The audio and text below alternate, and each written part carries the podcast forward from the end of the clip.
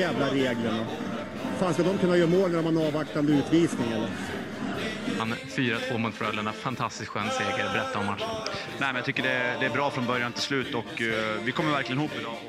Det är en underbar publik här hemma, liksom. men de, de är ju lite kräsna också. De kan sin hockey. Liksom.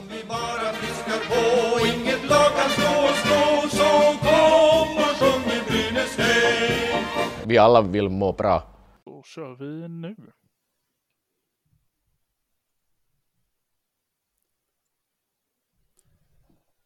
Då är det dags för det 110 avsnittet. Helt fantastiskt vilken siffra det ändå är. Det är med, som vanligt med mig, Viktor Arner, tillsammans med Fredrik Strömbom. Och vi har även med oss Svenska fans Brynäs-redaktör Daniel Westergren. Varmt välkommen! Tack så mycket, roligt att få vara med. Igen? Ja, precis. Comeback. ja, är det, är det en eller två gånger tidigare varit med? Fler kanske till och med? Jag tror det en gång. Ja, jag tror det en gång. Ja, men då, då är det bra att du är med en andra gång nu då. Ja, precis. Verkligen. Eh, du Daniel, du brukar ju bevaka Brynäs väldigt ofta på plats i Gävle. Stämmer bra. Du har ju skrivit många texter om Brynäs den här säsongen. Eh, din bild av Brynäs 2022-23? Ja, eh, rörigt är väl ett eh, ord som de flesta skulle sammanfatta Brynäs den här säsongen med. Och det får jag väl hålla med om för egen del också. Eh, inför säsongen så trodde jag ändå på laget ganska bra får jag säga, även om ja, det saknades någon spetsvärvning hit och dit som många har velat haft in och fortfarande vill få in. Eh, men jag trodde ändå att det skulle gå ja, betydligt bättre än vad det har gjort. På pappret tycker jag ändå att det är så pass eh, namnkunnigt lag att de ska definitivt vara högre upp än vad de är nu. Men eh, onekligen så är det flera som har underpresterat. Och vad det beror på, ja jo det vet nog nästan ingen av oss. Men eh, så att, ja rörigt för att sammanfatta det, ja. Är det någonting som i spelet som du tycker inte stämmer eller något som du tycker har sett bra ut den här säsongen? Ja, för det första, ja, vi har ju släppt in, eller vi, Brynäs har släppt in väldigt mycket mål onekligen. Eh, och det har ju varit så alltså, under väldigt lång tid, framförallt i början på säsongen, lite för fega i försvarsspelet om man ska uttrycka sig så. Eh, vågar inte gå på riktigt när de kanske borde vara aggressiva i rätt lägen och sådana där saker. Utan mer att det har blivit stillastående och stå och titta på. Och så hänger de inte med när liksom motståndarnas skickligaste spelare sätter fart. Och då ser det väldigt billigt ut ibland när de, får, när de släpper in sina mål. Så det är väl mycket där har suttit på tycker jag i alla fall. Sen nu mot slutdelen av säsongen, då har det nästan varit tvärtom istället. Då har det varit offensiva som det har varit problem med istället. Och att eh, ja, det har ju satt sig i huvudet på dem så att det blir någon extra pass här och där. Och liksom när det verkligen är bra lägen att ta avslut så samma sak där, då tar vi också gärna en extra passning istället för istället för att kanske ta avslut när man borde så blir det att det tar väldigt många avslut i sådana lägen där det blir väldigt enkelt för motståndarna att försvara istället. Så att det är lite olika ansikten på säsongen, tycker jag i alla fall. Eh, väldigt mycket problem med försvaret har det varit ja, under stora delar. Då. Medan nu på slutet, som sagt, då har det varit stora problem framåt istället. Jag tror du är inne på en bra poäng där. Jag har tänkt på det också en del, att främst i början av säsongen så släppte vi in väldigt mycket mål. Jag vill minnas också att Manner genom sin coachning ändå tog ut målvakten förvånansvärt tidigt ett par gånger i början på säsongen. Och även när vi gjorde det och sen släppte in ett mål så kunde man ta ut den igen. För att i början av säsongen så kändes det som att man inte brydde sig lika mycket om målskillnaden som vi ju då får, den får vi lida av nu då. Ja, precis. Och, så att eh, det som var liksom det stora problemet i början av säsongen, det har ju onekligen följt med och gör att det blir en effekt på det hela nu när det ska summeras istället. Ja, för nu står vi här med ett, eh, om man tycker den här veckan som har varit. Det har ju varit match mot Luleå, Örebro och HV71. Och vi sitter ju ändå här och har inte riktigt gett upp hoppet än. Nej, det har vi inte. Eller? Nej, jag, jag, jag tror att det är eh, fullt möjligt att eh, fixa det här utan att behöva kvala. Jag vill gärna tro det i alla fall. Mm. Vad känner du Fredrik efter den här veckan? Ja, alltså den här veckan har ju verkligen varit en sån klassisk känslostorm upp och ner. Jag vet, jag har anteckningar från Örebro-matchen här som jag inte ens, jag, jag, vill inte ens gå in på dem för att jag var så jäkla negativ. Fram tills vi började göra mål då. Men där, när vi låg under med 2-0, då, då vet jag att jag kände att nej, där, nu rann till och med det över för mig. Jag tror inte att vi kan lösa det här. Men, men sen kommer man tillbaka och plockar poäng ändå och sen vinner man. Ja, det, det har gått upp och ner, men jag vill stå fast vid att vi, som vi sa förra podden, att det, magkänslan drar mig i riktningen att, att det kan nog gå det här fortfarande. Mm. Vi inledde ju veckan med att åka till Luleå och hade fina segrar i ryggen. Där vart det ju magplask ganska direkt, höll jag på att säga. Eh, jag tittar nu lite statistik. Eh, Brynäs sätter ett mål av 25 möjligheter och det blir 4 procent skotteffektivitet. Mm. I linje med hur det har sett ut tidigare. Det gör det absolut. Vad har vi att säga av den matchen? Jag, jag, jag kan tycka att den... Eh, det här är en sån klassisk Brynäs-match. De är bättre än oss. Jag tycker Luleå var bättre än oss nästan hela matchen. Men det positiva vi kan ta med oss av den är ju att man viker ändå inte ner sig. Man ligger under med, med ja, 3-1 inför tredje då, men man går ändå ut med energin av att det är möjligt att ta ikapp. Nu är, har vi ju inte den kvaliteten riktigt i laget alltid när ett annat lag får ett sånt långt försprång, men jag kan tycka att Luleå var bättre, men eh, det finns positiva saker att ta med sig även om den här matchen som enligt Manner-anda. Mm, ja, men jag kan hålla med. Det var, jag tyckte också Luleå var bättre. Jag fick nästan den känslan ganska tidigt i matchen att det här kommer inte Brynäs att ta. Mm. Eh, sen skenade det iväg. Det blev ju ändå 4-1 på slutet och eh, ja, men det kändes som en rejäl magplask efter en väldigt, väldigt, väldigt fin vecka. Men ja, det finns vissa detaljer att ta, ta med kände jag ändå. Eh, uh, powerplayet funkade bra. Var väl en, uh, de gjorde väl ett mål och två powerplay tillfällen där. Så, men uh, ja, nej, men annars så var det inte. Alltså jag någonstans kände jag förträngt den här matchen lite grann just utifrån att jag kände att i Örebro var det betydligt mycket mer frustration utifrån hur spelet såg ut. Och HV71, den matchen såg jag inte ens. Nej, de här veckorna som går nu, de här senaste veckorna, så är det ju Alltså tisdagsmatchen som då blir den som är längst bort från när vi spelar in, det hinner ju hända så många saker och så många känslor som hinner gå upp och ner så att den äldsta har man ju nästan, man har nästan förträngt den vare sig man vill eller inte. Ja, men lite så är det och sen har jag hållit så tro, alltså jag har ju bevakat HVs matcher lika mycket som Brynäs, så jag sitter ju nästan klistrad på deras matcher också. Eh, och eh, där gick det ju betydligt bättre för dem. Och det gjorde ju att man var ju ännu mer frustrerad. Ja. Men vi kan, jag tycker så här, vi går vidare till Örebro-matchen istället. Ja. Och där kan jag säga att eh, skotteffektiviteten med Brynäs låg lite bättre, men under 5 procent. Två mål på 42 skott mot mål. Lite bättre men ändå under 5 alltså. ja, lite bättre men ändå under 5 procent. Jag tycker vi ska ändå vara lite positiva här. Ja, ja vi, vi greppar oss i halmstrån. Ja. Eh, Daniels? Tyvärr, som vi har sett eh, några gånger den senaste tiden, så det sköts, det sköts och återigen, det sköts skott, men eh, målen kom liksom inte.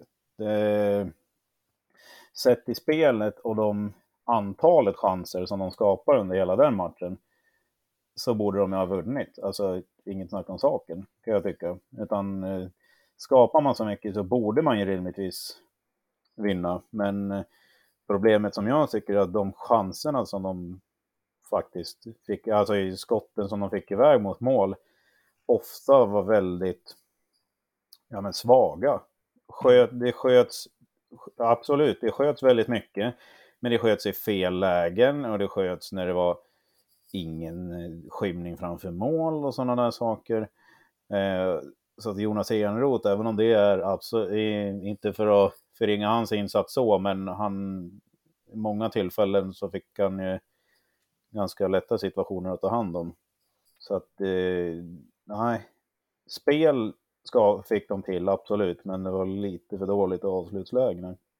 Det är ju lite det är ju lite det som är mantrat över att vi ändå, vi ändå uppat skotten på mål i de, ja, vad ska man säga, sen, sen årsskiftet typ har det väl börjat se lite bättre ut med antal skott mot mål. Men, men det är som du säger Daniel, det är inga bra skott. Det är, inga, det är inte skott i rätt tillfällen och det är, det är som vi har varit inne på tidigare, antingen är det ingen framför mål eller så är alla framför mål så att den touchar på någon och går ut ändå. Ja. Det är alltid den här i ett pass för mycket och även när den passen går som är för mycket, då är det ju inte någon som drar ett slagskott för då, eller direktskott för då. Det är någon som ska ta emot och så ska man kolla, ska jag passa en gång till kanske? Och det är för omständigt, det går för långsamt. Men visst, vi får skott på mål, men jag tycker det är rimligt att vi inte heller får några mål eftersom det är så dåliga lägen vi tar. Ja, och det här gjorde, alltså det var väl det här jag varit så himla frustrerad över, för att så mycket chanser Brynäs ändå hade, så mycket momentum i matchen man hade, så hårt högt upp man låg i sitt, eh, eh, nu tappar jag bort ordet, forecheck, eh, så mycket man hade puck, så mycket man styrde spelet, och ändå gör man inga mål. Mm. Och man skjuter så många skott och det blir väldigt, väldigt många ofarliga skott. Men man lyckas ändå inte producera framåt. Alltså, jag, alltså jag jag vet liksom inte, alltså jag, jag, någonstans förstår jag nästan Mikko Manne på, på slutet där när han säger att han inte riktigt vet vad mer de ska göra. För det, bli, det, var ju en sån match, alltså det kändes nästan lite grann som en stöld av Örebro utifrån att jag tyckte Brynäs var så mycket bättre spelmässigt i den här matchen. Och visst, man, man, tog, man fick ändå upp det till 2-2, tog, förlorade på en övertid. Jätteviktig poäng ska väl sägas. Mm. Men så som man ägde den här matchen, om man tänker sett över tre perioder, då ska man inte ligga på 4,76 procent i skotteffektivitet. Nej. Nej. Och det gjorde mig så brutalt frustrerad och jag kände liksom att äh, jag var så känslomässigt engagerad i den här matchen just av den anledningen. Ja, det var ju någonstans där när vi låg under med 2-0 som jag tappade det helt också och kände att det, det, nu går tåget och vi är inte på det. Men, men det är som du säger, det är, de här, det är de här konstiga lägena vi tar skotten i och det är alltid en pass extra. Alltså de matcherna där vi lite tydligare vinner och tar med oss en full pott, då är det ju sådana matcher där man, jag menar den matchen mot Frölunda på hemmaplan för, förra veckan, ja, nyligen, Frimans skott det är direktskott. Och de andra skotten där vi liksom driver på mål, där det är rätt antal människor framför mål och man, man, man löser det liksom som hockey ska spelas. Mm. Men det är, vi är duktiga på att göra det för komplicerat och för långsamt. Och då förlorar man matcher. Absolut den här saken med att man testar att ta skott från otippade vinklar och sånt där. Men det är inte det de gör riktigt heller, att de testar att ta några skott extra från ja, med svåra vinklar och sådär med någon framför mål, utan det är inte det de gör heller som gör att de får iväg extra mycket skott nu. Nej. Nej, nej, men jag tycker det är jättespännande match och det, det är så mycket Brynäs i den här matchen. Alltså all problematik vi har den här säsongen. Eh, jag tyckte det verkligen speglade den här matchen och eh, det är väl där någonstans frustrationen ligger i. Jag ser också man vinner tekningarna, man vinner tio fler tekningar än vad Örebro gjorde man, eh, man vinner närkamperna. Det är liksom allt talar egentligen för att Brynäs skulle ha vunnit den här matchen. Ja, faktiskt. Det här var ju också en match där både HV och Malmö ligger under och, och tar sig till förlängning också, precis som vi gjorde. Både, alla tre bottenlagen låg ju under och lyckades knata sig tillbaka. Skillnaden ner att de lyckas ta det i övertid sen och vi gör inte det. Det är det som, som, som är skillnaden på de här lagen just nu, vilken form man är i. Ja, HV låg vi till och med under, var det 2-0 eller 3-0 mot Leksand där? Och så vänder de och vi vinner. Likadant med Malmö, låg också under 2-0. Det gjorde vi med och nej, det är fan att det är inte vi som kan få vara en av dem som drar det längsta strået ibland. Nej, och det speglar ju som jag säger, det, det speglar ju Brynäs säsong. Det, vi saknar ju naturliga målskyttar. Mm. Extremt tydligt den här matchen. Mm. Till skillnad från Öre- Örebro som faktiskt har skyttar. Ja, det har de ju. Och det var det de kunde utnyttja nu för att eh, allt annat så var de faktiskt sämre i. Ja, det blev att de tog ju på något sätt tillvara på de chanserna de fick. Eller ja, var bättre på att göra det i alla fall. Ja, men definitivt. Så att eh, nej, det var spelmässigt fantastiskt spel, men eh, målmässigt bedrövligt. Ja. Ja, Och det är väl de där små detaljerna, tänker jag, som gör skillnaden på att Brynäs just nu ligger under kvalstrecket med, med målskillnad mot HV71 medan Örebro ligger topp fyra. Det är ju sådana där detaljer som avgör det. Handlar om ju ändå, trots att man är i det läget som Örebro är, de är det sämre laget i matchen, sen hittar man ändå sätt att åka därifrån som vinnare. Det, det är ju det, vi, det, är den, det är den nöten vi inte har lyckats knäcka. Nej, den kapaciteten har vi ju inte riktigt. Nej. Jag tänker att vi kan eh, ta oss vidare kanske mot HV71-matchen. Och den är ju betydligt gladare. ja. Så här i efterhand, ja men fy fan vilken ångestmatch det var innan alltså. Mm, det kan man lugnt säga. Och speciellt när, det, när, eh, när surret går precis innan match att här väljer vi Brynäs att byta målvakt. Ja, det var faktiskt intressant val för som man har sett många Brynäs har skrivit på sociala medier och sånt där att Lindbäck borde stå någon av matcherna. Och det har jag absolut hållit med om, men jag tycker snarare att det borde ha varit någon match innan, ja men typ Örebro-matchen som man borde ha stått istället. Men Mm. så det var lite spännande val, tycker jag, att sätta honom som ändå har varit på sidan nu lite grann mot just HV71. Men ja, det, gick, det gick ju hem till slut det också. Ja, jag var så jäkla nervös när jag såg det. Bara, bara att den matchen ens ska ske och att vi måste vinna och så ser man att Lindbäck ska stå som inte har stått på två och en halv vecka. Ja, ja, det är ingen bra känsla när man gick in när pucken släpptes. Men det var ju något som hände där. Brynäs gick ju in väldigt starkt i den matchen. Ja, rätt in. Det var luta huvudet rätt fram och körde alltså. Det var ingen, inga bromsar. Nej, det var, man ledde väl med 3-0 där. Nu såg inte jag den här matchen så att jag följde resultatet bara, men man ledde ju med 3-0. Ja, Och sen hade man ändå 4-1 innan HV började starta motorn. Men då är min fråga, är det Brynäs som slappnar av eller är det HV71 som ökar en växel?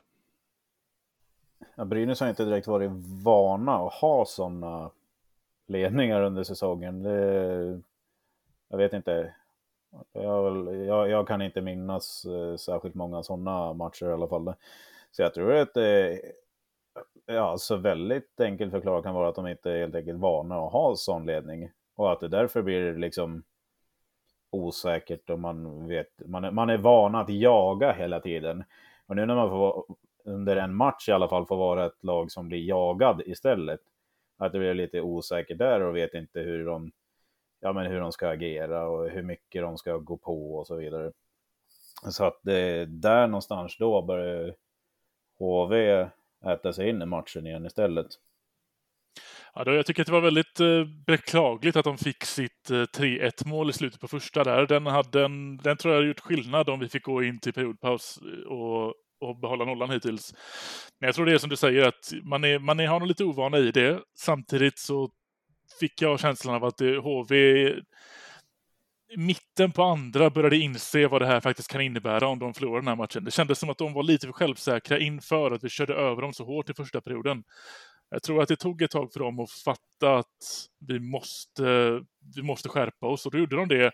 Då blev det lite mer en jämn match av det och då, då kom de ikapp. Liksom. Jag tror att eh, allvaret kom ikapp HV på ett, eh, efter halva matchen. Typ. Mm, jag sitter och bara tittar lite statistik här och jag konstaterar ju att Brynäs gjorde ju Ja, men de tre tidigare matcherna som Brynäs och HV mötte den här säsongen så gjorde ju Brynäs totalt fyra mål. Den här matchen gjorde man fem mål. Mm. Vi har ju haft väldigt svårt mot HV den här säsongen. Ja. Det har väl blivit, eh, ja men precis, vi har inte gjort så många mål, men de har inte heller gjort det va? Det har varit, jag minns att det har varit 2-1, 2-1 i båda våra bortamatcher mot dem va? Ja, det var ju något, något möte som drog iväg lite, vet jag. Mm, okej. När, de, när de mötte varandra i Gävle. Sen har jag inget eh, minne av de senaste matcherna. Jag har inte det framför mig heller. Nej, jag var på en av dem nämligen. Den torskade vi med 2-1 i övertid. Och jag vet att eh, den andra blev väl, jag är rätt säker på att båda blev 2-1. Så det har ju varit tajta fighter. Jag menar den här egentligen då ska ju vara 4-3 innan vi fick in den i öppet mål. Och det är ju också otroligt tajt. Att vi är ju kanske rättmätigt eh, de två lagen som ska slåss om det här strecket. Men det är lite häftigt att se eh, när spelare liksom kommer igång eller om, de, eh, om det händer något i de här matcherna som gäller. Jag tänker på Johannes Kinnvall som ändå stod för tre assist. Han hade inte gjort poäng sedan januari innan dess. Nej. Eh, Jag tänker på, nu ska vi se så jag inte ser fel, men Anton Rudin har ju också ökat. Mm. Det är väl också tre assist. Poäng. Ja, han gjorde ju precis tre assist, ja, men sen gjorde han ju också poäng bort eh, i mötet mot Örebro. Mm. Eh, Han har ju ändå ryckt upp sig den här veckan. Verkligen. Ja, jag kan inte tala för HV-matchen. Nej, men det tycker jag att han såg eh, stark ut. Jag påpekar det när du nämner Kindvall också. Vi hade ju eh, Bertilsson borta i den här matchen. Och då kastade, alltså man kastade ju om riktigt rejält i kedjorna. Kindvall har ju gått som extra back i väldigt länge nu, men här går han ju upp i första backpar istället och då naturligt får han ju lite mer eh, istid och det är det vi har varit inne på också, att Kindvall är ju en spelare som behöver spela mycket för att bidra mycket. Ja, men definitivt. Och det är ju en spel, alltså han ska ju inte gå som extra back heller. Det är ju en eh, rutinerad spelare. Dessvärre har han ju en, en dålig historik kring att eh, spela i lag som åker ur ligan. Mm. Av någon, av någon eh, konstig anle- anledning. Ja, men det är jäkligt kul och jag tycker Björnen har ju varit, fortsatt varit bra. Verkligen. Om inte, inte bara som poängplockare, utan han vinner ju väldigt många viktiga tekningar alltså. Ja, men verkligen. Och där, när det gäller honom, tycker jag att, eh, att han, nu är han i den miljön som han ska vara i, ja men i en andra kedja typ. Eh, han var ju under en väldigt lång period i fjärde kedjan och även om han då också fick spela boxplay och powerplay och sånt där, men det är en sån här miljö som han är i nu, det är där han ska vara, anser jag i alla fall. Mm. Och nu har ju också visat att det är där han hör hemma också, och kommit igång både med poängproduktionen lite mer och även liksom spelet i övrigt också. Han vinner fler eh, dueller och sådana där saker och ligger rätt i position. Så att eh, han har verkligen lyft sig, det tycker jag. Han var väl, eh, Björnen var väl eh, tvåmålsskytt va? Jajamän. Ja, just det. Han, ja, det var knappt Eller ja, alltså. han... ja, ja, jo precis. Det... Noterad för två mål i alla fall. Exakt. Den, eh, hans första där, eh, det, tog ju lång tid innan jag fattade att han ens var i närheten av. Det var ju en riktig släng av Slenitska. Han blev väl noterad på den först och sen ändrade man efter periodpausen tror jag. Ja, det var ju när jag skulle skriva om det på plats. Så höll jag på att skriva Sklenicka. Sen jag tänkte så här, ja men jag dubbelkollar det där. Och så bara, nej då var det björnen. Ja. Då, då fick man ta fram reprisbilderna på datorn och studera i detalj liksom. Och jo då, då någonting som kan liknas vid en touch där. Lite så var det. Så det var den detaljstuderingen. Verkligen. Och sen var det ju andra målet i öppet, öppet mål. Men de räknas de med. Den var riktigt, riktigt skön alltså. Fan vad HV var på oss på slutet. Ja, då får man ändå erkänna. Då var man bra orolig när man satt på plats och tittade. Det, ja, nej, usch. Ja, nej, jag, jag försökte följa matchen så gott jag kunde och jag gick in på Twitter vid lite tillfälle och så såg jag alla kommentarer hur Brynäs spelade sista perioden där och då kände jag nej, det här var inte bra för måendet att läsa. Nej. Det är ju så- Det är ju så starka reaktioner där så att liksom. Det var mycket sarg ut var det. Mm. Ja, Men jag tycker det var en riktigt spännande laguppställning man ställde upp med. Man skickade ändå ner skott i fjärde femman.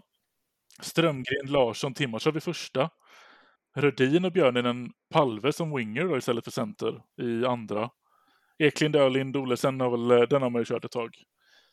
Och sen skott, Ljungcrantz, eh, Blomqvist i fjärde. Jag tycker att det gav en rätt bra effekt. Det känns som att man jämnade ut kedjorna på ett bra sätt.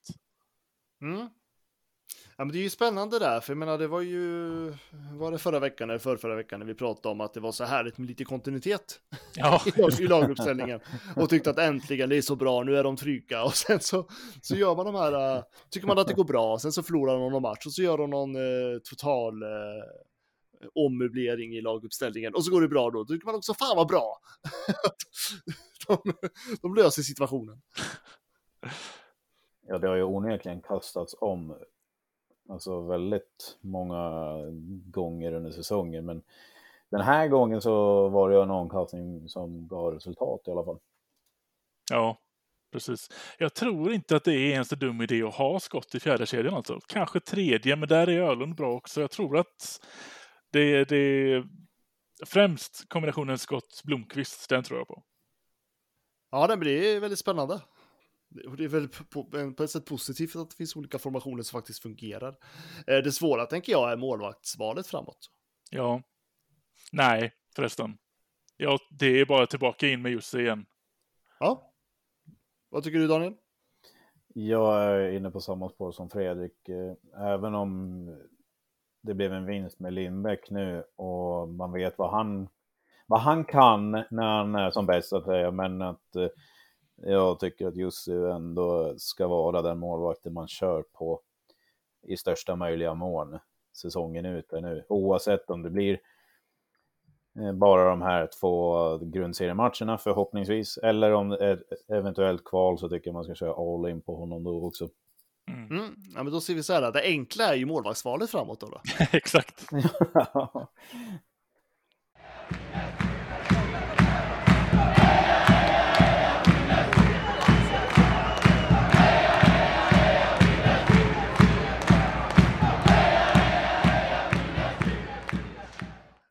Men om vi blickar framåt, det är ju två jätteavgörande matcher som väntar och där är det redan ikväll när vi släpper den här podden så är det Timrå borta.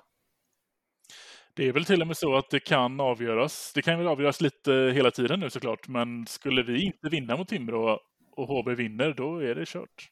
Då får vi kvala. Eh, lite så är det. Eh, det är ju också en väldigt rolig detalj. Jag tycker ändå att vi måste lyfta fram det. Så det är ju så här att om Brynäs vinner mot Timrå och HV vinner sin match, jag tror den är mot Växjö, om jag, jo där, den är borta i Växjö. Och Linköping skulle förlora. Då är ju Linköping väldigt skakade inför torsdag. HV har ju eh, Skellefteå hemma dock. Ja. Men jag säger om här nu. Ja, Då blir det väldigt spännande på torsdag. då blir det svettigt för tre lag. Ja, Mm. Och den trodde man ju kanske inte riktigt att det skulle bli, skulle bli ett till lag som blev inblandat i det där. nej. Men om Brynäs skulle ta poäng mot Timrå och HV skulle förlora, då, blir, då har ju vi ett litet övertag på torsdag. Då räcker det med att vi tar poäng mot Växjö. Ja, då räcker det. Då behöver vi väl inte ens ta poäng. Ja, det är ju, ja, fast då hänger, då hänger det ju på att HV förlorar den matchen också. Ja. Alltså vinner vi mot Timrå, då är det ju bara att backa in fem spelare i målet och stå där i 60 minuter. Ja, men var det inte... Ta, ta det till straffar och ta det därifrån. Ja, ja, ja, ja. Ja, men ni minns väl det här igelkottförsvaret vi hade i kvalspelet 2021? Ja, ja. Det... Var det verkligen inga onödiga risker som togs då? Eller? Nej. Nej, men vi kör på den då, hela... Ja, ja, ja. Nej, men Timrå, hörni, vad har vi för tankar? Det har väl sett helt okej mot dem, mot, ut mot dem i säsongen hittills. Inte för att jag tror att någonting sånt spelar roll nu, men det är med en lite, en liten bra känsla. Vi har vunnit två av tre. En Det har vi övertidsvinst. Vi har gjort ganska mycket mål också.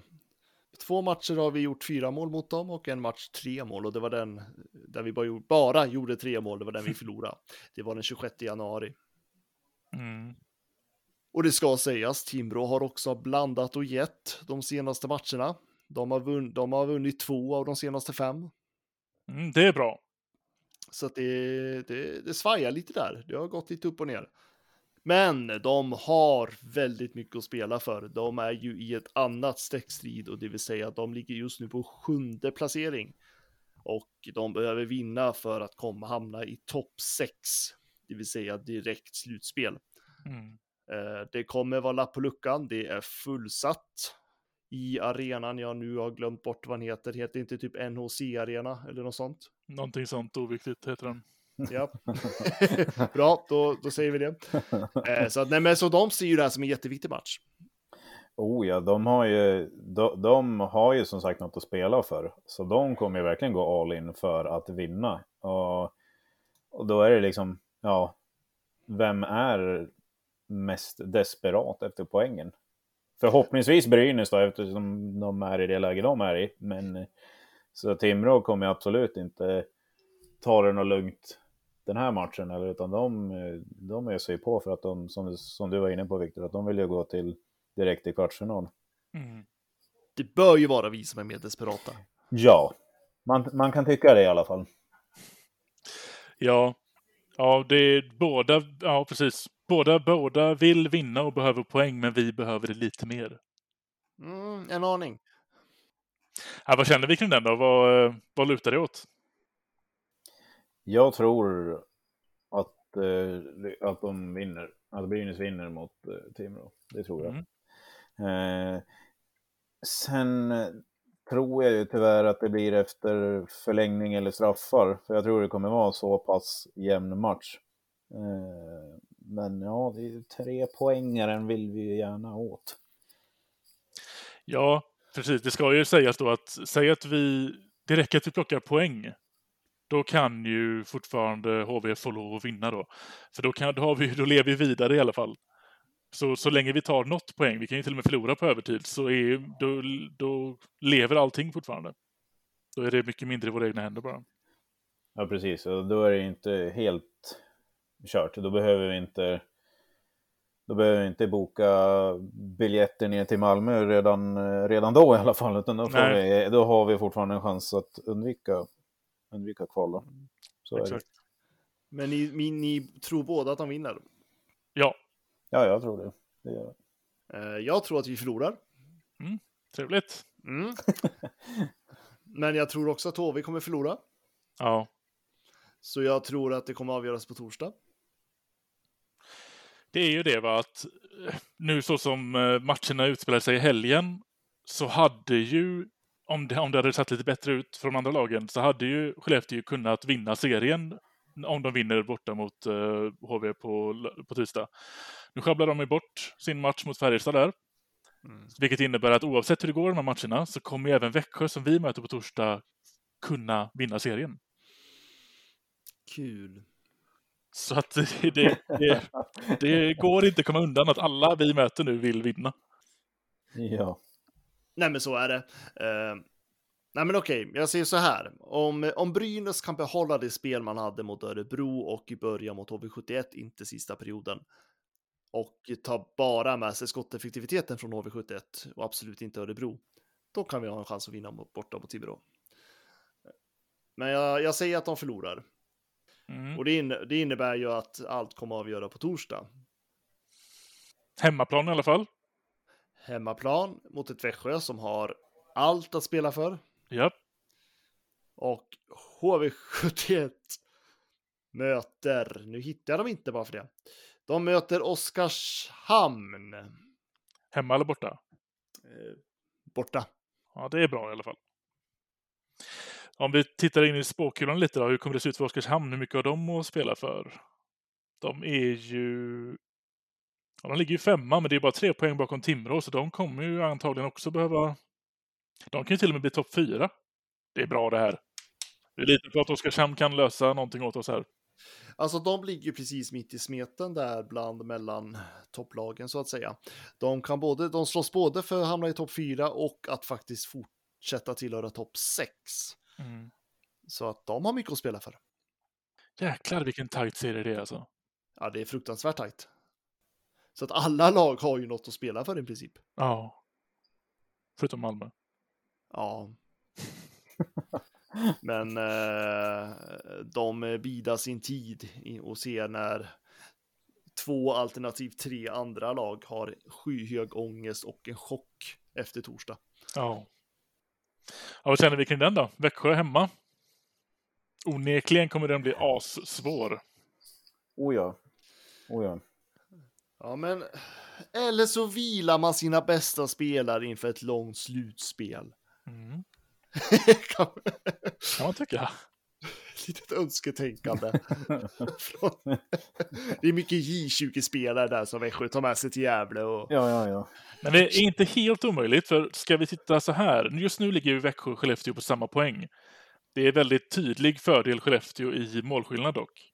Så vinner nu Skellefteå borta mot HV på tisdag, vilket vi ber till alla gudar som finns där uppe som gör, då är det i princip klart. Då kan inte Växjö gå om, om inte de... Alltså, då får de köra över oss med så här 11 mål eller någonting och det händer ju inte. Men om... Ja, förutsatt att Skellefteå förlorar på torsdag då? Ja, men då går de upp på samma poäng och då kan inte... Då måste Då ligger Växjö fortfarande under med så mycket i målskillnad att de kommer inte gå Ja, runt. men då måste ju Växjö förlora också då ikväll. Ja, precis. Den detaljen, ja. en liten detalj. Jag bara försöker se alla möjligheter här och hoppas att ja, någonting bra, går i vår fördel. Nej, alltså Vä Växjö kommer ju som, som sagt, det kommer onekligen bli en väldigt svår match. Men förhoppningsvis med en god publik i Gavlerinken, så nu vet jag inte hur många biljetter som är sålda till den matchen men eh, förhoppningsvis kan det vara lika bra stöd som det var i lördags mot, eh, mot HV och då hoppas jag att det kan ge så pass mycket energi att man ja, man verkligen gör det som krävs på isen rent eh, arbetsinsatsmässigt. Har vi någon eh, status på Bertilsson? Tränade inte idag, har jag läst i alla fall. Mm, jag såg också det.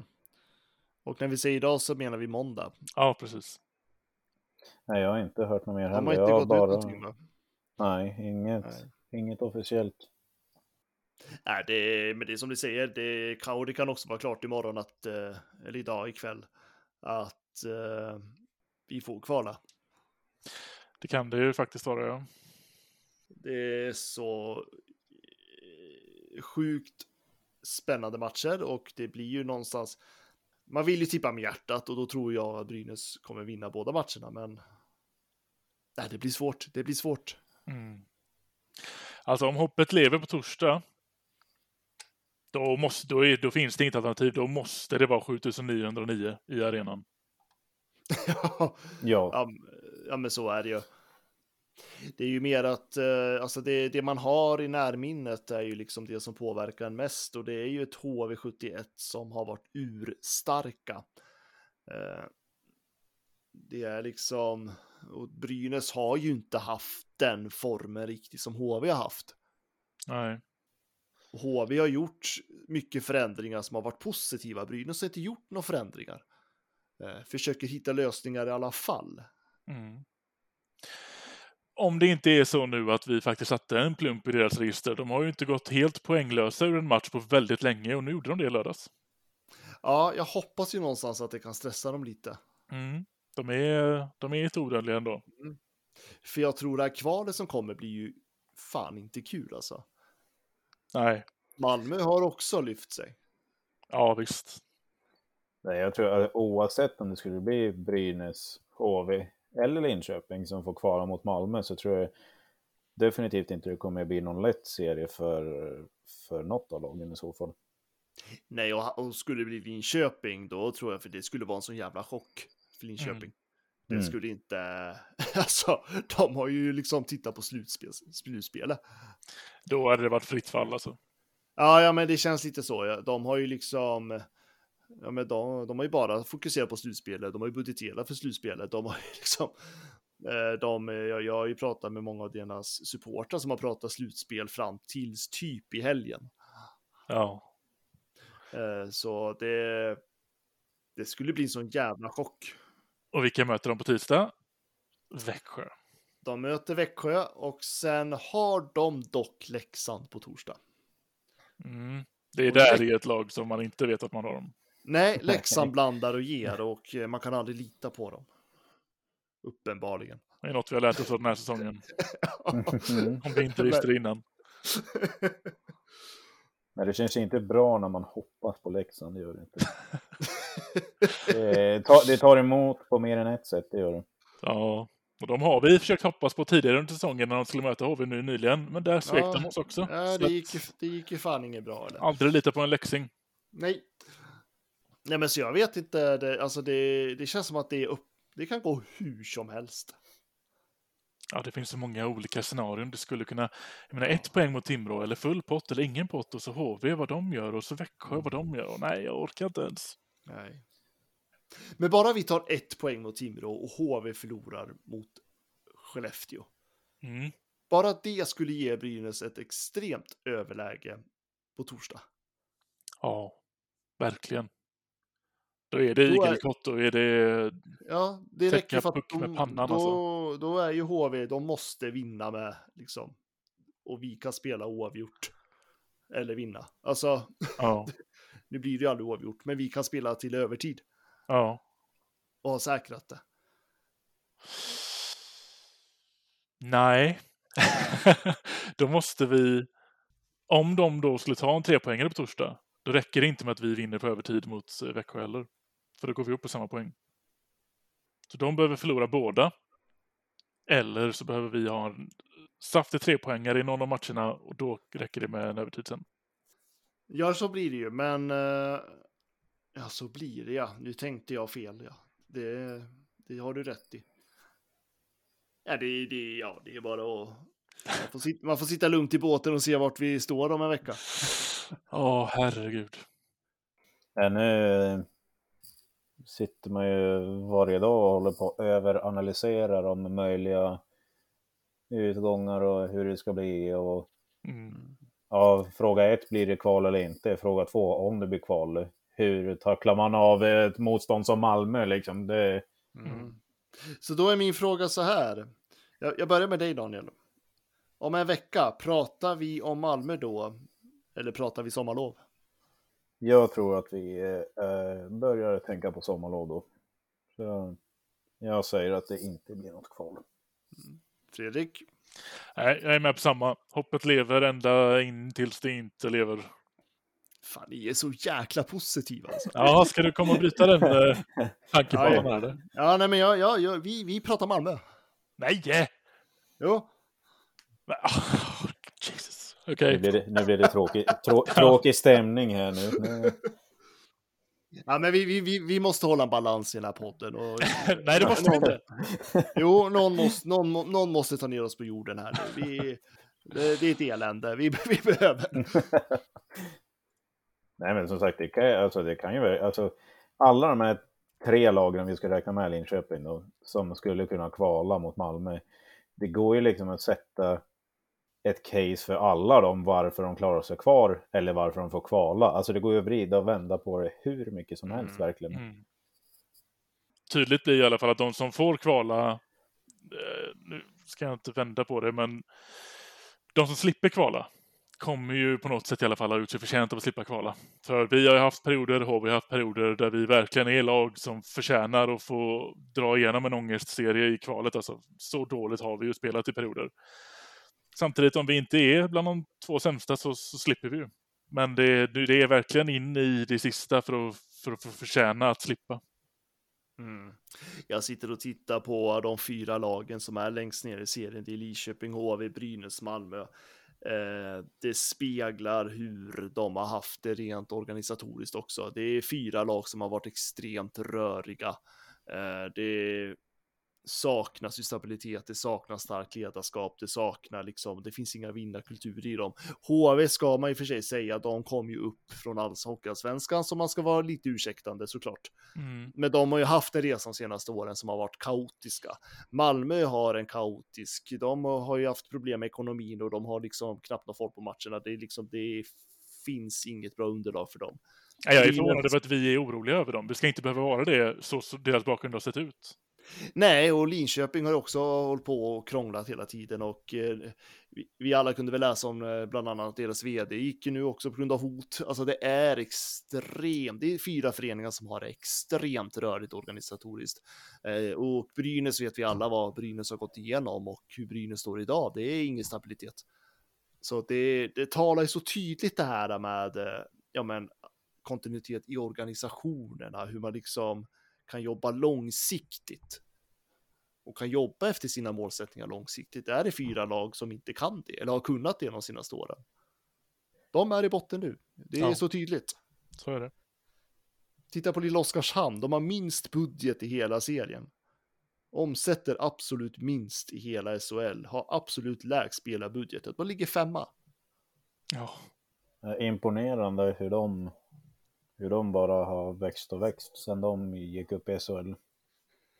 Ja, och de har ju de har gjort det helt korrekt i sin scouting. De har värvat rätt typ av spelare. Det är ju liksom, det är ju bara några få individer som som styr det där Oskarshamn och de leds ju bara av några få spelare som producerar sju helsike med poäng. Oh. Så att det, nej men jag tänker just det här med tydliga målsättningar och att folk får jobba långsiktigt, folk får sitta kvar och faktiskt bygga upp en struktur, en plan, en idé och faktiskt eh, sätta det i verket. Föreningar som byter folk hela tiden, det är de som ligger och skvalpar längst ner. Så är det. Så här har vi också en säsong där vi inte har sparkat någon tränare på länge nu. Det nästan känns lite bekvämt. Ja, det, det är det som, känns, som är lite lustigt att säga, men det känns som att det var väldigt länge sedan vi sparkade en tränare. Det, det, ja, det, ja, jag vet, det låter konstigt att säga det, men det, det nästan så är känslan och det säger väl en hel, hel del också.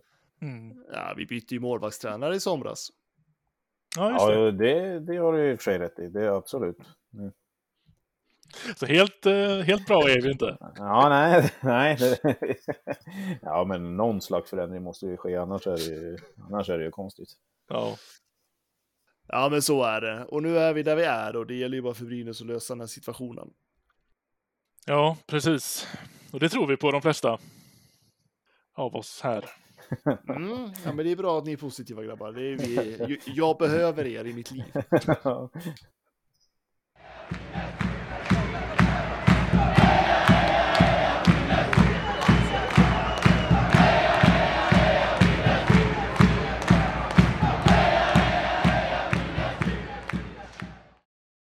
Ja, men vi kan väl avrunda med lite damverksamhet, höll jag på att säga. Brynäs slog Linköping i bästa av tre. Det var två raka segrar och möter alltså nu Djurgården redan ikväll, tror jag det är. Mm. I bäst av fem i semifinalen. Sopade bort Linköping rätt, rätt så enkelt där, även om andra matchen ju blev lite kalabalik i mitten där, men uh, en, det var väl en uh, förväntat i alla fall. Jo, definitivt.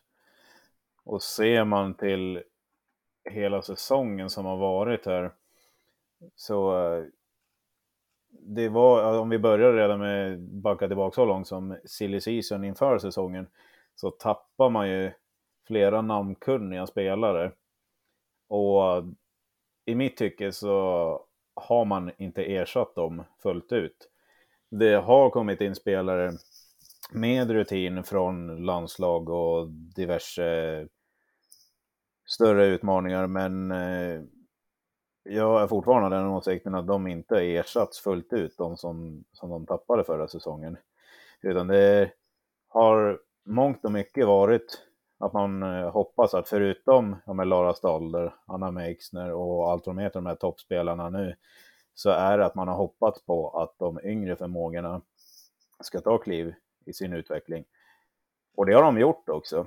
Eh, och det har ju varit ganska tydligt under säsongen att det kommer vara Brynäs och Luleå det står emellan. Eh,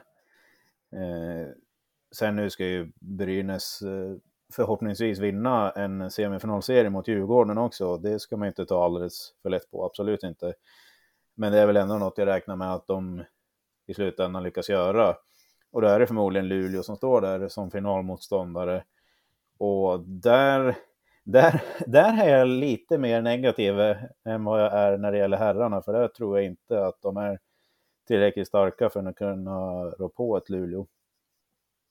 Nej, det känns ju som att det som du sa även från silly att man har ju inte riktigt ersatt riktigt tunga pjäser som vi tappade inför i år. Eh, vi har väl snarare blivit inte sämre, men vi har väl kanske stått lite still under tiden Luleå kör på i vanlig ordning och vi hinner inte med.